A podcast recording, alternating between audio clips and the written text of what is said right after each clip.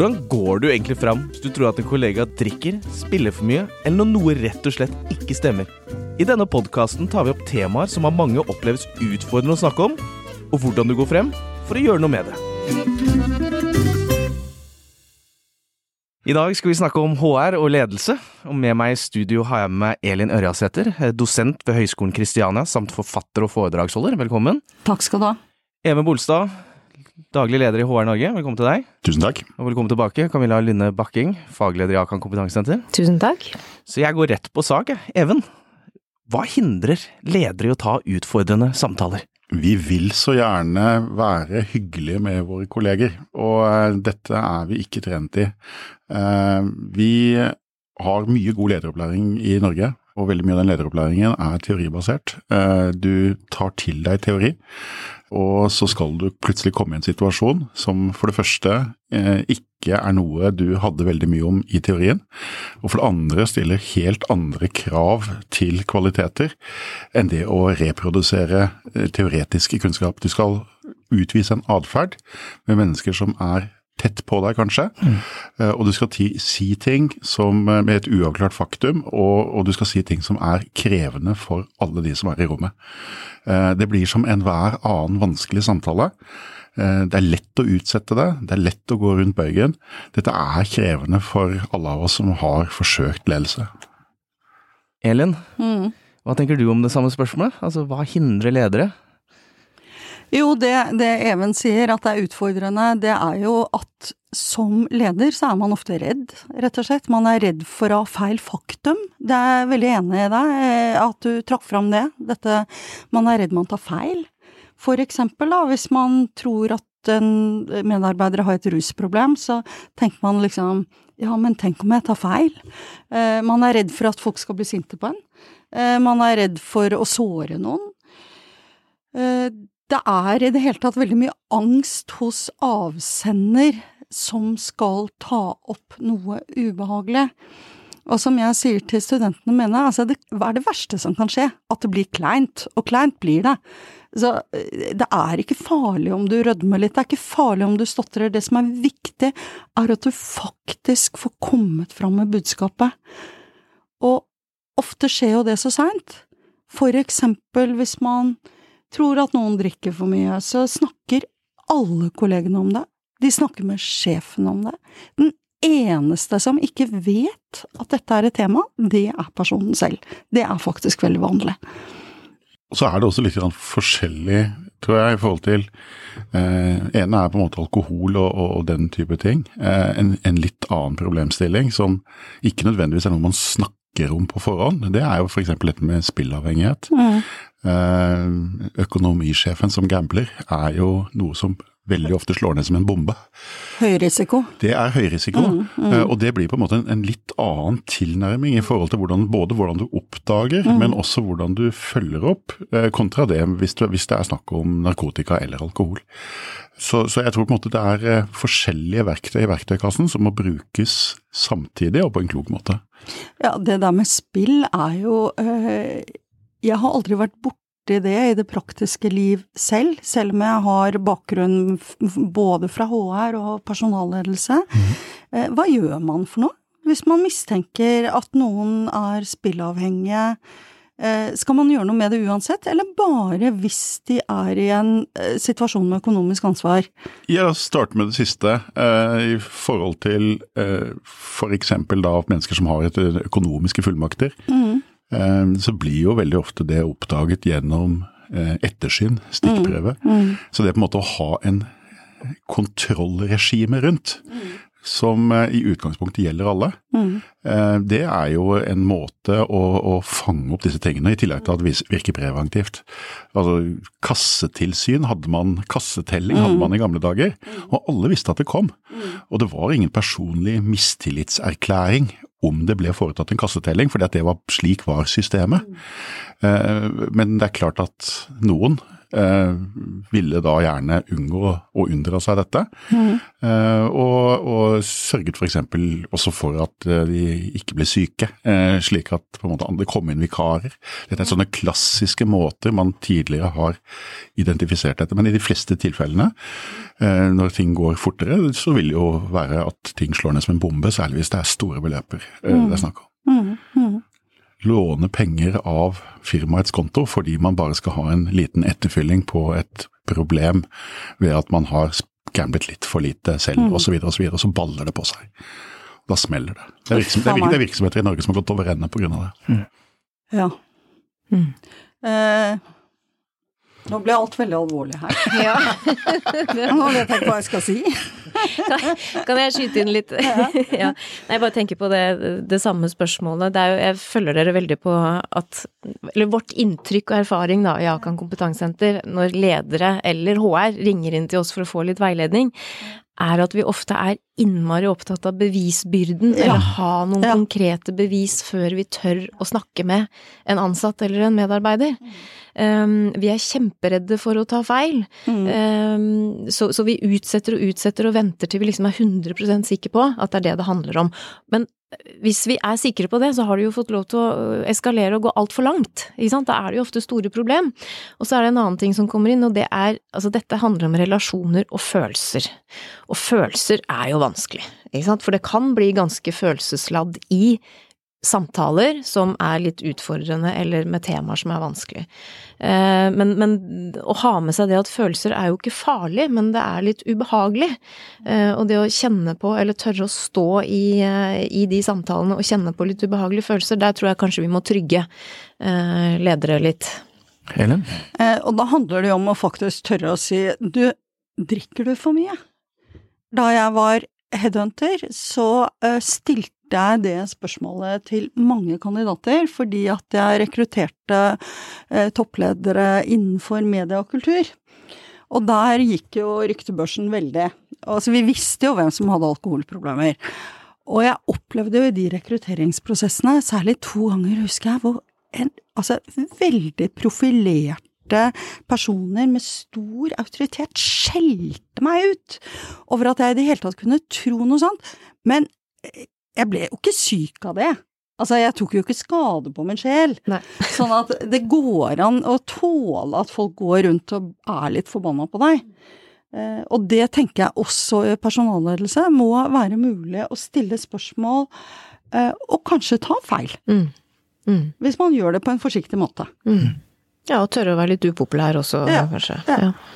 Og i Norge så er vi jo tettere på hverandre eh, i hierarkiet enn i veldig mange andre land. Altså vi slipper folk ofte tettere inn på oss. Eh, Mm. og, og en klok person snakket en gang om distansert nærhet. Mm. Eh, hvor du på en måte skal ha en, en, en tillitsbasert, tett relasjon. Eh, psykologisk trygghet er jo en av de store tingene i ledelsesteorien akkurat nå. Eh, de som er interessert i det, de kan jo bare google Amy Edmundsen. Eh, som, som handler i veldig stor grad om at du må ha, være en del av et klima hvor, hvor du vet at folk vil deg vel. Eh, som i seg selv får ned barrierene. Men samtidig skal du altså som leder ha en distanse eh, som gjør at det å gå i de dialogene her sånn, kan gjøres eh, også med virksomhetens sko på. Eh, og, og det er veldig mange som føler den eh, vanskelig. Og så tror jeg på en måte at, eh, som du også var inne på, på, på Elin, at, at det koker også veldig mye ned til leder eller den personen som sitter i lederrollen, og i hvilken grad vedkommende er trygg på seg selv. Trygg på seg selv, trygg på oppgaven, trygg på den utfordringen som, som ligger der. For det er veldig vanskelig å være trygg i relasjoner hvis du ikke er trygg på deg selv. Så den eh, pyramiden der, den må bygges nedenifra. Men i alt det vi sier nå, så forutsetter vi jo at lederne er edru, og den ansatte drikker. Eh, Altså, i de situasjonene, hvis jeg ser bakover på mitt yrkesliv, så er det jo sjefene som har vært problemet. Mm. Altså, hvis jeg liksom skal lage et kart over alkoholproblemer i arbeidsmiljøene Nå har jeg vært i jobb i eh, mange år. Jeg begynte, begynte vel å jobbe som 15-åring, og nå er jeg 57. Og hvis jeg skulle liksom lage statistikk over dette, så er det flere sjefer mm. enn faktisk kolleger som har vært og nå tenker jeg spesifikt på alkohol, for jeg har ikke egentlig vært borte så mye annet av de tingene Akan holder på med så er det sjefene som har drukket, og som ofte har lagt et formidabelt drikkepress på sine ansatte. Mm. Jeg tror du kan ta det over også i for eksempel spill, eh, for det er jo eh, altså det er ledere som veldig ofte opplever det legitimt mm. å tuske litt til seg, fordi mm. at de har bidratt med så mye. Uff a meg. Eh, ja. Og, eh, og, mm. så, så, så, og det, da går det jo også i forhold til dette med, med å være rollemodell. Mm. Eh, og det er klart at det koker ned til mm. hvilken kultur man skal lage. Mm. Mm. Eh, og, og, de sterkeste eh, påvirkerne av kulturen er jo til enhver tid eller ikke ubetinget, men, men, som regel så er det lederen som er den viktigste og lederskapet som utøves i virksomheten. I den første jobben jeg hadde, så var det lederne som instruerte oss hvordan vi skulle skrive tre dietter per døgn. Hei hvor det går. Jeg, en av mine, det, er, det, er, sant, altså. En, en, av mine, hvis jeg kan si det, en av mine yndling, yndlingsoppsigelsessaker, hvis det går an å ha noe sånt. Ja, det, går det er jo en sak fra restaurantbransjen, jeg tror det var i Tromsø, eh, hvor en ansatt fikk sparken fordi man eh, ikke passet inn i kulturen. Dvs. Si at man var ikke med på festingen på kveldene. Mm, mm. Eh, altså så langt kan det gå. Men den saken den ble trukket for retten, for å si det sånn. Du, Aktis hadde en veldig Aktis er jo en sånn sånn Nå husker jeg ikke hva det er forkortelse for, men en organisasjon som er opptatt av rus i arbeidslivet. Og jeg så på nettsiden deres, der hadde de noen interessante historier rundt uh, muslimer som ikke drakk, mm. og en situasjon hvor man skulle feire et salgs uh, En suksess med salg. Og så sier da denne selgeren at hvis han ber om Farris, så er han redd for å ende opp i en hijab-diskusjon. Mm. Altså at man blir så veldig annerledes hvis man ikke drikker. Mm. Og, og, det syns jeg ser mange steder, at du blir veldig annerledes, og du får et forklaringsproblem. Og dette er det lederne som har ansvar for. Mm. Ja. Jeg tenker også at både du og jeg, Elin, har passert 35. Eh, og, og, den gangen jeg vokste opp, så var på en måte det var alkohol som var greia. Mm. Mm. Det betyr også at med barn mm. så har du vært en del av en opplæring gjennom skoleverket mm. i forhold til å fange opp indikasjoner mm. på narkotika, hvor min radar ikke er like godt velutviklet som i forhold til eh, alkoholen. Mm. Og det tror jeg også er en, en del av, av, utfordringen, at vi fokuserer veldig fort på alkohol. Mm. Mens det er eh, rus gjennom piller, og, ja. som er kanskje minst like stort problem. Det er bare det at det går under radaren på veldig mange. Mm, for vi ser ikke tegnene. Vi, vi ser ikke tegnene, og særlig hvis, man, hvis det ligger en generasjonsgreie inne her, ja. Eh, så er det et problem akkurat nå. Mm. Mm. Ja, det, det, er klart det også er der, ikke sant. Medikamenter og uh, illegale rusmidler. Uh, og det får vi også henvendelser på. Og samtidig så, så, er det noe med Hvis vi skal snakke i forhold til kultur, så, så, handler det jo om at alle virksomheter i Norge har en egen alkoholkultur. Fordi vi har så mange sosiale situasjoner i regi av jobb hvor vi drikker sammen, og hvor, er, hvor alkoholen i de situasjonene er helt naturlig. Og vi snakker ikke noe om det. Mm. Um, og så opplever vi noen ganger at det nesten er lettere å håndtere eh, situasjoner der det er mistanke om illegale rusmidler. Det kan ha gått litt langt der òg, fordi vi ser ikke tegnene. Mm. Eh, men fordi per def så er det illegalt, og så er det liksom de andre. Men når det kommer til alkohol, så er det fortsatt noen utfordringer, fordi at 90% av oss drikker alkohol. Mm. Og vi drikker alkohol sammen, ikke sant, mm. med kollegene øh, i, i regi av jobb. Det er ritualet vårt. Ja, ikke sant, det er, det er, ritualet vårt, og vi har så mange situasjoner knyttet til det. Men der er vi ganske dårlige på å ta på oss litt sånn antropologens briller og se mm. på vår egen kultur. Du nevnte det i stad, mm. Even, men hvordan ønsker vi å ha det i disse situasjonene også, sånn at det skal mm. være trygt, hyggelig, inkluderende for alle å være der. Mm. Og der kommer jo leders eh, rolle inn som kjempeviktig signal, ikke sant. Mm. Hvordan, eh, hvordan, leder oppfører seg i de mm. situasjonene, ikke minst. Der gir jo eh, vi noen konkrete råd i en av de bøkene jeg har skrevet om ledelse, som heter Personalledelse og arbeidsrett, som handler om eh, du må skille mellom ulike typer fester. Ja. Altså er det fester med pårørende og foreldre i, i en omsorgssituasjon, så er alkohol rett og slett ikke aktuelt. Det er no go. Eh, og det sykehjem, vernede bolig for utviklingshemmede, altså bare glem det. Kutt ut alkoholen. Ja. I situasjoner hvor det er kundearrangementer, så er jobben til sjefen å ikke drikke mer enn at han har full kontroll, og også si det samme til sine ansatte. Mm. At de skjønner at det er liksom greia. Ja. Og så har du de interne festene, og der skal jo fortsatt sjefen, mener jeg, være den som har full kontroll over situasjonen. Ja. Og hvis sjefen der er den som raver rundt og gjør dumme ting, eh, kommer i krangel med folk, driver med eh, er klåfingra, altså hva som helst, så er det så ødeleggende for hele arbeidsmiljøet. Ja. Og sjefen fratar seg selv effektivt autoritet Ja. for lang tid framover. Og man gjør det i hvert fall vanskelig for seg selv den dagen du eventuelt må ta en samtale med, en, eh, med en ansatt. Ja, ja, ja. Ikke sant? Du du drikker for mye, som- men jeg Der kommer, men der kommer dilemmaet igjen. ikke sant? Du skal være på en måte en av gjengen, Ja. samtidig som du ikke er det. Ja. Eh, og den hårfine balansen der sånn, altså det ene er på en måte uh, atferden. Mm. Skal sjefen gå hjem litt før alle de andre? Det kan jo også være en sånn Hva mener innspill. du om det? For jeg får så mye spørsmål om Jeg har det. vokst opp i en kultur hvor det var vanlig. Ja. Uh, Jeg tror det er mindre vanlig nå. Ja, akkurat. Ja. Mm. Eh, Men, men eh, det var kanskje da en, en tid hvor eh, hierarkiene var litt tydeligere, Ja. og, og at for å gjøre det legitimt for de underordnede, for å bruke det begrepet, Og ha det gøy. ha det gøy, Mm. så måtte sjefen ha seg vekk. Ja. Jeg tror nok det ligger litt grann der. Ja, nettopp. Mm, mm. Ja, for vi skrev det i den første utgaven av den boka vår, at eh, gå hjem før de andre, men vi har kutta det ut til senere utgaver, Ja. så det er jo helt eh, synkront med det du sier, Og dette er kulturavhengig. Mm, mm, mm. Og det opplever vi også når vi er ute i virksomheter. Jeg hører nå mer av at lederne sier nei, selvfølgelig er jeg til slutt. Det er jo mitt ansvar å sørge, eller liksom låse Ja, døra på en måte. Eller Slå av sørge lyset. For, slå av lyset.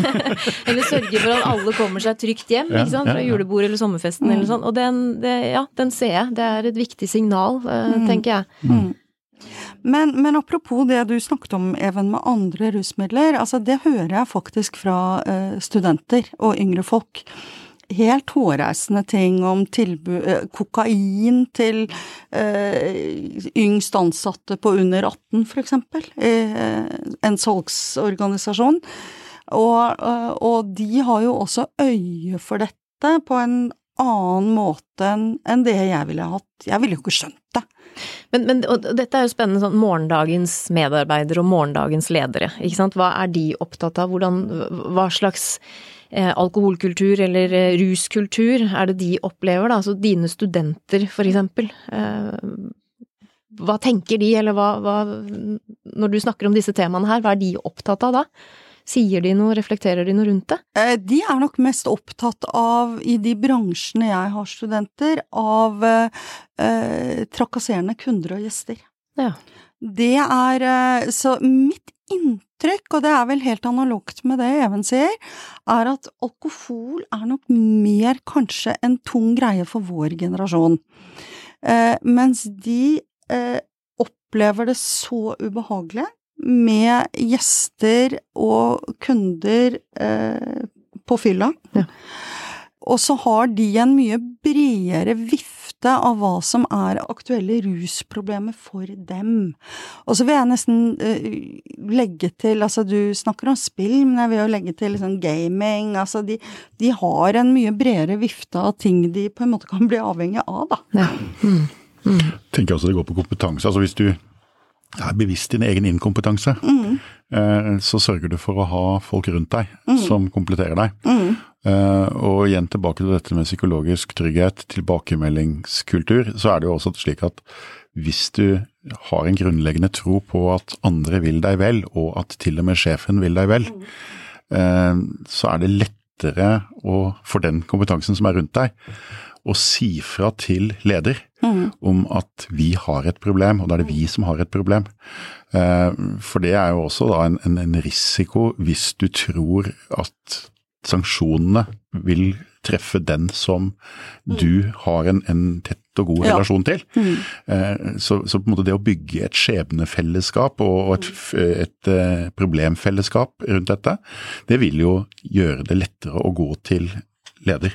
Samtidig så vil, man, vil det kanskje bli vanskeligere å gripe fatt i det, Mm. fordi at du ikke har den distansen når du har fått så mye nærhet.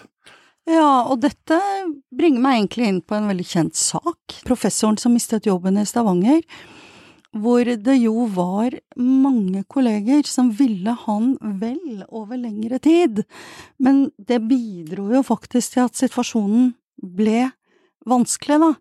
Fordi at isolert sett så kan du si at ja, hvis det bare er rusen som er problemet, men veldig ofte er det andre ting òg som kan ha med rusen å gjøre, men som kan være på en måte uavhengig av rusen. Og så blir det en sånn hengemyr av eh, kryssende hensyn og lojalitet og ikke-lojalitet, og, og så ender jo apekatten opp hos sjefen. Det blir, Selvfølgelig. det blir en slags form for hensynsløs hensynsfullhet. Ja, Altså du gjør, folk, du gjør folk en bjørnetjeneste Ja. eh, ved å, å misforstått å vise hensyn. Mm. Eh, som, gjør, som du sier, altså, som gjør at problemet eskalerer og, og, Mm. og, og blir uhåndterlig. Vi- Ja. ja, vi ser jo ofte at vi rundt blir jo disse muliggjørerne, ikke sant. Ved at vi ikke håndterer, ikke tar tak i situasjoner, men, men bare lar det gå. Eh, dekker over og, og så videre. Ser mellom fingrene, og så bare eskalerer det. Altså vedkommende trenger ikke ta tak i sitt problem, fordi, fordi eh, det er ingen som på en måte eh, reagerer. Der har jo dere noen veldig gode filmer. Det, det, Dilemmaverktøy heter det. Ja. Jeg er veldig glad i dem. De ligger på nettet under Dilemmaverktøy, altså OY. Ja, stemmer. Ja, og der er det jo én film med en kollega som dekker opp for en annen, som er så fyllesyk at hun klarer ikke å gjøre jobben. Ja. Og så er jo da dilemmaet er det riktig? Mm. Skal vi gjøre det? Og det er spennende diskusjoner ute i norsk arbeidsliv. Ja. Løfte fram disse ulike dilemmaene knyttet til denne tematikken. Ja. Uh, uten at vi nødvendigvis har fasitsvaret på det, men bare få opp diskusjoner og refleksjoner i arbeidsfellesskapet. Det skaper trygghet og forutsigbarhet for de ansatte og for leder. Mm. Og det får vi mange tilbakemeldinger på fra ledere spesielt, da. At det at vi hadde snakket om dette på forhånd i Mm. fredstid, hvis jeg kan si det, eh, og, og satt det liksom i forhold til vårt kult, eller vår kultur og våre verdier, det gjorde det mye enklere den dagen jeg måtte Mm. håndtere én sak, eller Mm. snakke med en ansatt. For da kunne jeg bruke det litt, at ja, men dette har vi snakket om, og du vet jo at grensene våre, eller rammene våre, de er der og der. Mm. Og nå har det på en måte uh, gått utover det Og det. du snakker om nå, det er jo helt sånn allmenn generiske eh, kvaliteter ved et arbeidsmiljø. Altså Ja. det å kunne være tett på hverandre i fredstid, som du beskriver, det er en veldig god beskrivelse. Det gjør jo alle vonde prosesser mye lettere. Det kan være at har du et godt tillitsforhold eh, i, i fredstid, så er det mye lettere å ta en nedbemanning, for eksempel. Eh, og, og det er også på en måte en, en viktig partnerskap, tror jeg, i, i eh, virksomhetene. Det, de som har en gode tillitsvalgte, vil kanskje tillitsvalgte være noen av de beste samarbeidspartnerne du har, eh, i forhold til å, å få et konstruktiv utgang på, eller resultat på en eller annen måte på, på en, en, eh, et problem som kanskje de tillitsvalgte spotter lenge, lenge før lederne. Ja. Men tillitsvalgte vil ikke nødvendigvis gå inn i den rollen eh, hvis de ser at straff følger den som tyster. Eh, Og, eh, men hvis man klarer å lage det gode partnerskapet, så, så ser du at det, det meste går bedre etterpå. Og det må bygges i fredstid. Da kan vi jo minne om også den paragrafen i arbeidsmiljøloven som handler om kontrolltiltak, hvor det jo er en plikt til å drøfte med de tillitsvalgte. Jeg syns jeg får mye spørsmål om er det lov å ta eh, promilleprøver, og er det lov å ta urinprøver og sånn på jobben? Eh, og det går det jo ikke an å svare noe absolutt på, det har litt med bransje og risiko og sånn å gjøre, men det er i hvert fall veldig hensiktsmessig å diskutere med de tillitsvalgte. Ja. Er dette noe vi skal kunne gjøre hvis vi har mistanke, og da bør faktisk alle vite om det, at det kan skje. og det gjelder jo særlig bransjer hvor det har et sikkerhetsaspekt. Men det er flere bransjer enn det vi tenker over. Altså, vi tenker kanskje transport, fly, bygg og anlegg og sånn, og vi tenker sikkerhet, men tenk på en barnehage, da. Mm. Altså, Mm. hvis du kommer fullt på jobb i en barnehage. Og så tenker jeg ordet drøfting, det, for mange høres det veldig sånn juridisk formelt ut. Eh, men oversatt til godt norsk så er det at det er lov å snakke sammen. Mm. Eh, Og så bør det kanskje dokumenteres i etterkant at man har snakket sammen. Ja. Mm. Men det er jo den gode grunnleggende intensjonen der sånn om hele tiden på en måte å være transparente og ha dialog. Ja. Det er det som ligger i begrepet drøfting. Ja. Og det, ja, det er så viktig å dra det ned på den samtalenivået, rett og slett. Altså å gjøre disse litt kompliserte, utfordrende sakene enklere. Og det du er inne på der med testing, ja det er jo Altså der må du ha hjemmel i lov, det er kjempestrengt, ikke sant. Så ser vi jo i noen virksomheter Altså jeg forstår arbeidsgivers behov for kontroll, eh, men samtidig, det er så mye mer effektivt at man har hatt den diskusjonen på det kultur, eller kulturelle nivået, eh, og skapt de refleksjonene og bevisstheten oss imellom. Det, det er så mye mer korrigerende, egentlig, altså, enn den eh, tisseprøven. For vi vil jo ikke dit at vi kommer på jobb og skal tisse der og, og hilse på sjefen der. Altså det, men, men jeg skjønner behovet, men, men effekten av den samtalen oss imellom, eh, den er stor, altså, der ute. Og apropos det, nå eh, når vi spiller inn her, så er vi i november. Nærmer seg julebordsesongen. I januar så kommer advarselsesongen etter alle julebordene. Altså, det å snakke med Ta en runde i avdelingen med hva, hvor går grensene her på julebordet? Hva skal vi servere? Jeg syns jo at det å servere sprit på julebord er en uting. Men der er jeg litt sånn Jeg er litt nazi på det med sprit, da. Fordi jeg mener at de som ikke er vant til å drikke sprit, de blir kanon, og de som har alkoholproblemer, de får tenning. Så bare få det vekk. Men, men, eh, men det å ta en samtale om hva skal vi servere på dette julebordet? Fri bar eller ikke fri bar? Fri bar eller ikke fri bar? Mhm. Eh, Alkoholfrie alternativer, like ja, og vær så snill, noe annet enn Farris. Ja, ja, Hvor tidlig starter vorspielet? Veldig godt poeng. Mm. For der hadde jo vi eh, noen saker i fjor, blant annet. Eh, ja, det med alkoholfrie alternativer. Mm. Det hvis liksom servitøren må gå tilbake og hente denne Ja. litt sånn lunkne flaska med enten Munkholm eller Farris. Ja, det er jo det er ikke så så, veldig trist, bra substitutt når de andre har fått et velsmakende måltid med en eh, vinmeny som er skreddersydd en. Men hvis du ikke vil ha den vin, eh, men da har vi bare en Farris, da. Så det er noe med servicegraden her, og, og tenke litt bredere enn bare alkoholen. Vet du hva, jeg er så enig. En venn av meg fylte 60 her om dagen, og han hadde to vinmenyer. En eh, vanlig, og så en alkoholfri som, hvor han hadde gått på polet og spurt etter alkoholfrie alternativer til det han skulle servere. Det var skikkelig gøy. Det var jo sånn eh, bjørnebær, eh, ekstrakt med krydder og eh, hu og hei. Altså, det, Det er så mye bra alternativer, Ja. reelle, reelle alternativer ja, i dag. Ja, og Så det det, at du liksom ikke skal føle deg så innmari dum og, Mm. og, og, og snytt når du står med den der Farrisen. Mm. Det Vi har en kollega, vi som skrev nylig en blogg, men også har kastet seg på sånn som begrep som heter sober curious. Det er det å skru av denne autopiloten for alkohol da, i sosiale sammenhenger, for jeg tenker jo spesielt mange ganger så liker folk å velge. Ja. Og hvis smakene er gode, da, så er det jo mange ganger at ja, folk velger alkoholfri. De velger det lett, men fordi det ser fristende ut, og det smaker godt. mm. Mm. Og servere seg vinglass istedenfor å bare sette fram den der Farrisflaska Ja. eller Tobb Extra eller hva det er for noe. Ja, ikke sant? Jeg tenkte på i stad, jeg har bare lyst til å dra litt tilbake til det med unge, eller morgendagens ledere, eller unge Mm. ledere. Fordi at det vi, vi får en del henvendelser fra også unge ledere, Mhm. eller som akkurat har gått inn, eh, eller fått lederansvar, og som får noen saker i fanget. Som har pågått i lang, lang tid. Det trenger ikke nødvendigvis være rus eh, eller spillsaker, det kan være andre ting, tenker jeg også. Men jeg bare, har dere en opplevelse av det? At unge i dag, de jeg vet ikke, de, de stiller bare noen andre spørsmål, da. Ikke sant? Er dette greit? Skal vi akseptere en sånn oppførsel? Eh, hvorfor har ingen grepet inn? Alle vet at det er noen utfordringer her, ingen har tatt tak i det. Eh, det er i hvert fall vår opplevelse ofte, at de unge stiller mer sånn spørsmålstegn ved det og ønsker å håndtere det med en gang. Mm. Um, Men er det de unge i dag, eller er det slik unge alltid har vært? Nei, det er et godt spørsmål. Det er kanskje det har vært Jeg husker at da jeg som pur ung leder, så fikk jeg ting rett i fanget. Og for å si det sånn, til tross for eh, mange lærebøker på forhånd, så hadde jeg aldri lest om hvordan jeg håndterte det. Eh, og ting skjedde som jeg reagerte på, og uh, som kanskje hadde glidd gjennom i dag. Jeg vet ikke. Og så er det jo noe med lederskifter. Altså, nye ledere, de har jo ikke blitt så slipt, ikke sant? De vil jo gjerne rydde opp i ting.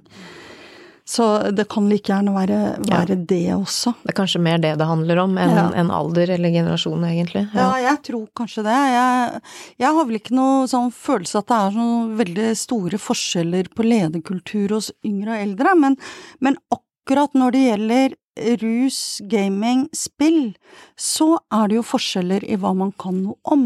Det er klart. Mm. Det er et poeng. Mm. Mm.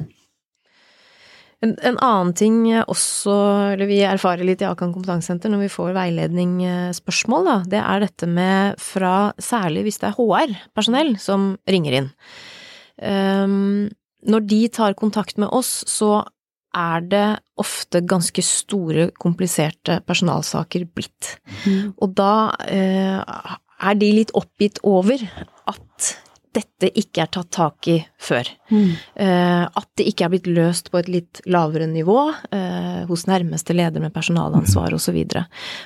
Hva tenker dere, eller hva slags opplevelse har dere Det går på ledelse Ja. generelt, og, og det er på noe av det man, man sier at det er fantastisk mange gode norske ledelser, og den norske ledelsesmodellen er fantastisk bra og hipp hurra.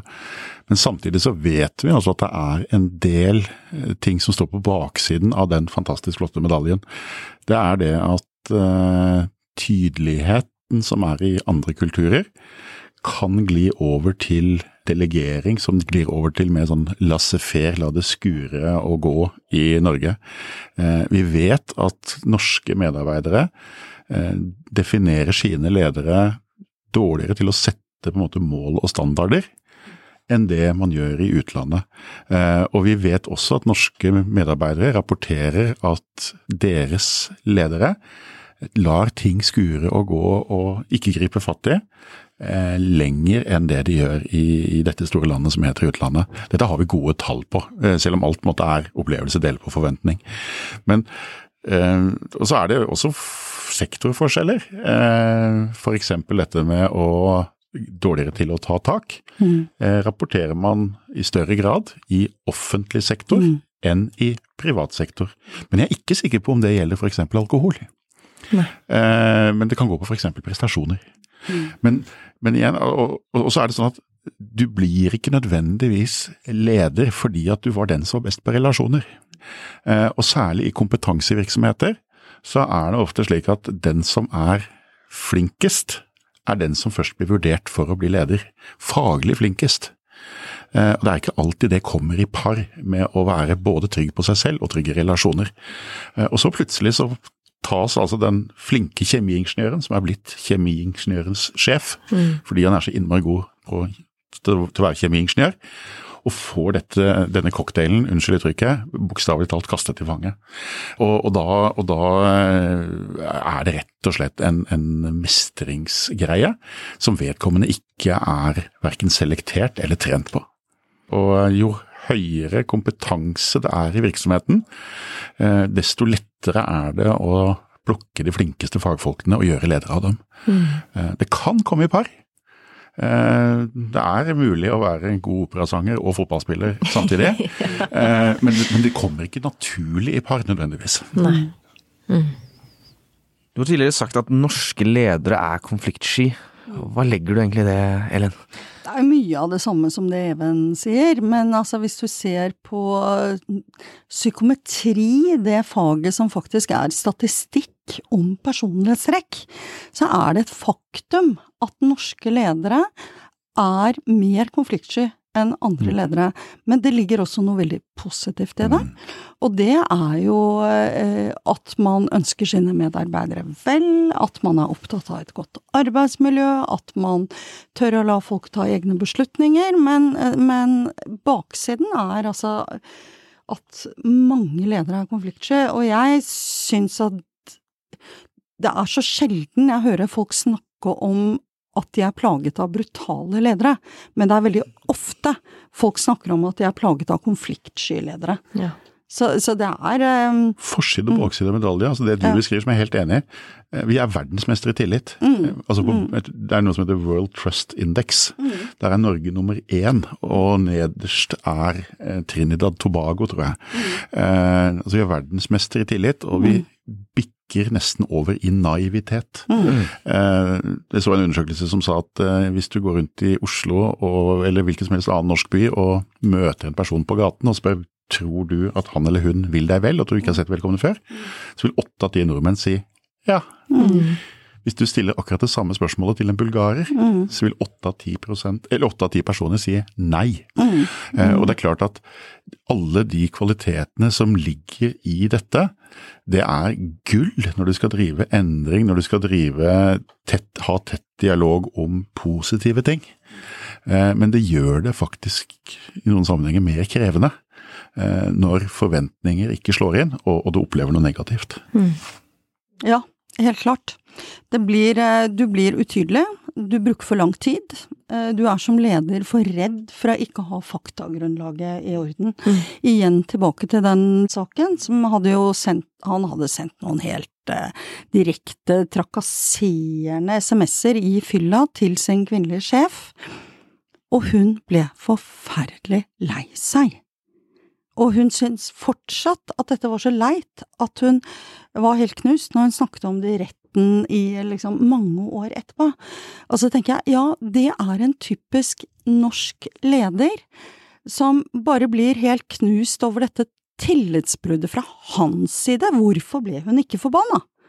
Mm. Altså, hvorfor tok hun ikke bare øyet skriftlig, kalte han inn på kontoret og ga han en skriftlig advarsel så det bare sa bang.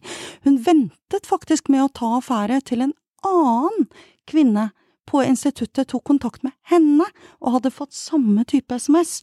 Da tok hun affære, for da gikk det utover noen andre enn henne òg. Her brukte man jo altfor lang tid og var altfor utydelig. Eh, og, jeg, jeg, tror det du mm. beskriver her sånn, er mm en ekstremsituasjon. Mm. Jeg, jeg tror ikke det er en typisk leder. Eh, men, men jeg syns det er veldig greit at vi på en måte får den type illustrasjon mm. av ekstremtilfellene. Mm. For da, da, blir det så tydelig for oss alle mm. at uh, slik kan det ikke være. Uh, og, og, berøringsangst er et uttrykk som også ofte brukes om uh, norske ledere. Mm. Og, og, det er igjen den der hensynsløse hensynsfullheten. Ja. ting bare vokser under deg. Og det gjelder alkohol, det gjelder det ene, det gjelder det. Det gjelder også mangelfulle prestasjoner. Ja, selvfølgelig. Og det er jo ofte faktisk nesten verre, for da har jo ikke folk gjort noe galt. Altså, det er vel ingenting som er så vanskelig å ta fatt i for en leder som folk som gjør så godt de kan, og så er ikke det godt nok. Det er jo hjerteskjærende å rett og slett ta fatt i. Ja, men vi har, det tenker i hvert fall jeg ofte, at vi har en, kanskje en tendens til å akseptere atferd som er egentlig uakseptabel. Mm.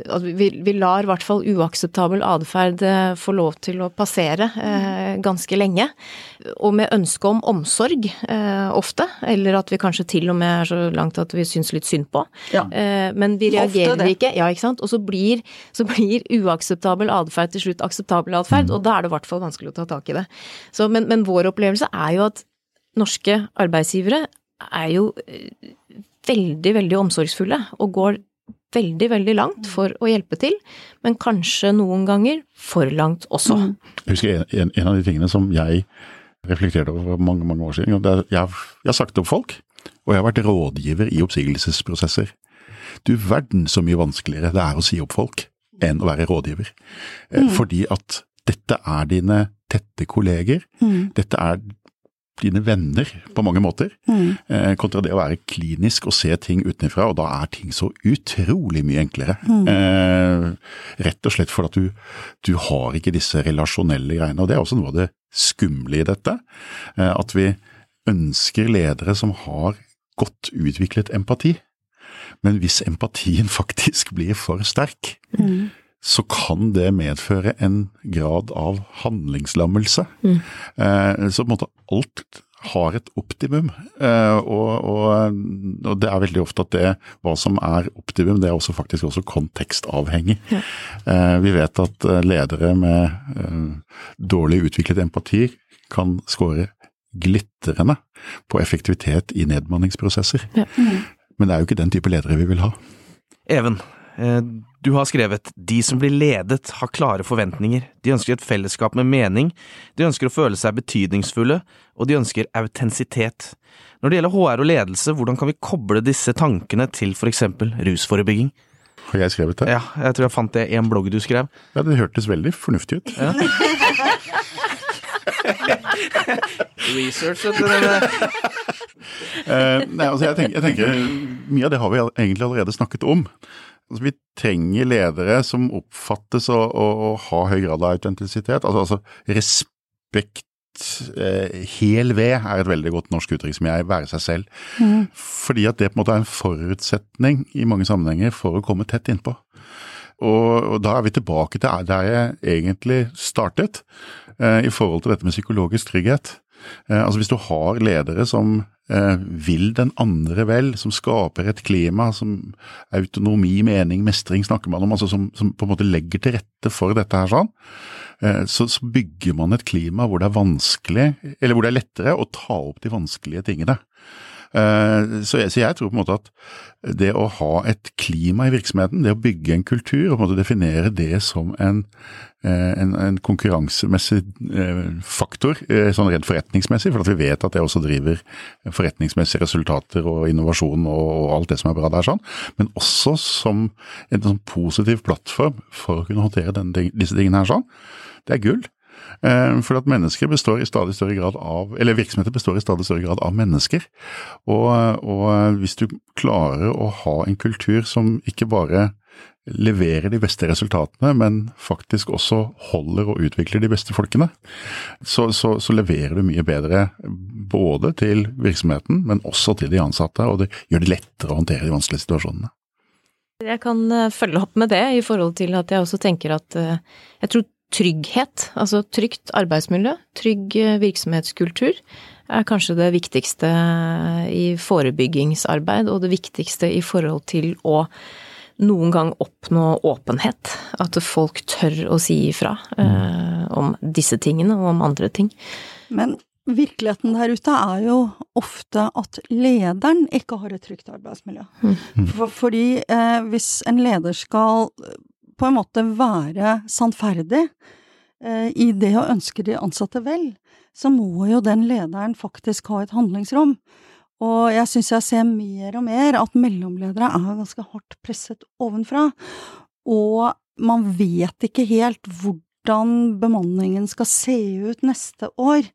Så det er ikke alltid så lett det der å være en uh, hel V-leder. Også noe så enkelt som at, at man kan si én ting det ene halvåret som viser seg å være helt feil, fordi man får helt nye opplysninger ovenfra. For eksempel om, om uh, hvorvidt det kommer oppsigelser eller ikke.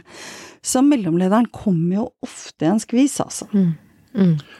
En av mine favorittprofessorer han heter Rob Joffey, han er på London Business School. uh, han sier 'be yourself more', og så legger han til 'with skills'. eh, og, med det så, og med det så mener han egentlig at, at du skal ikke være naivt utleverende. Nei. Nei. Eh, men, men, men du skal på en måte eh, sørge for å dele så mye av deg selv at folk deler tilbake, og at du har en, en troverdighet. Eh, og, så, og så blir dette på en måte en, en plattform, en relasjonell plattform, for å gjøre alt det andre. Så be yourself more with skills. Det er for meg autentisitet. eh, anvendt aut autentisitet. Og med det så takker vi for at dere hørte på. Takk til dere i studio. Takk for at du fikk komme. Takk for oss. Takk for at du lytta til podkasten. Husk å abonnere, så får du neste episode direkte inn på mobilen din. Ønsker du mer informasjon om hva du kan gjøre, så finner du det på akan.no. Er du bekymra? Ta praten.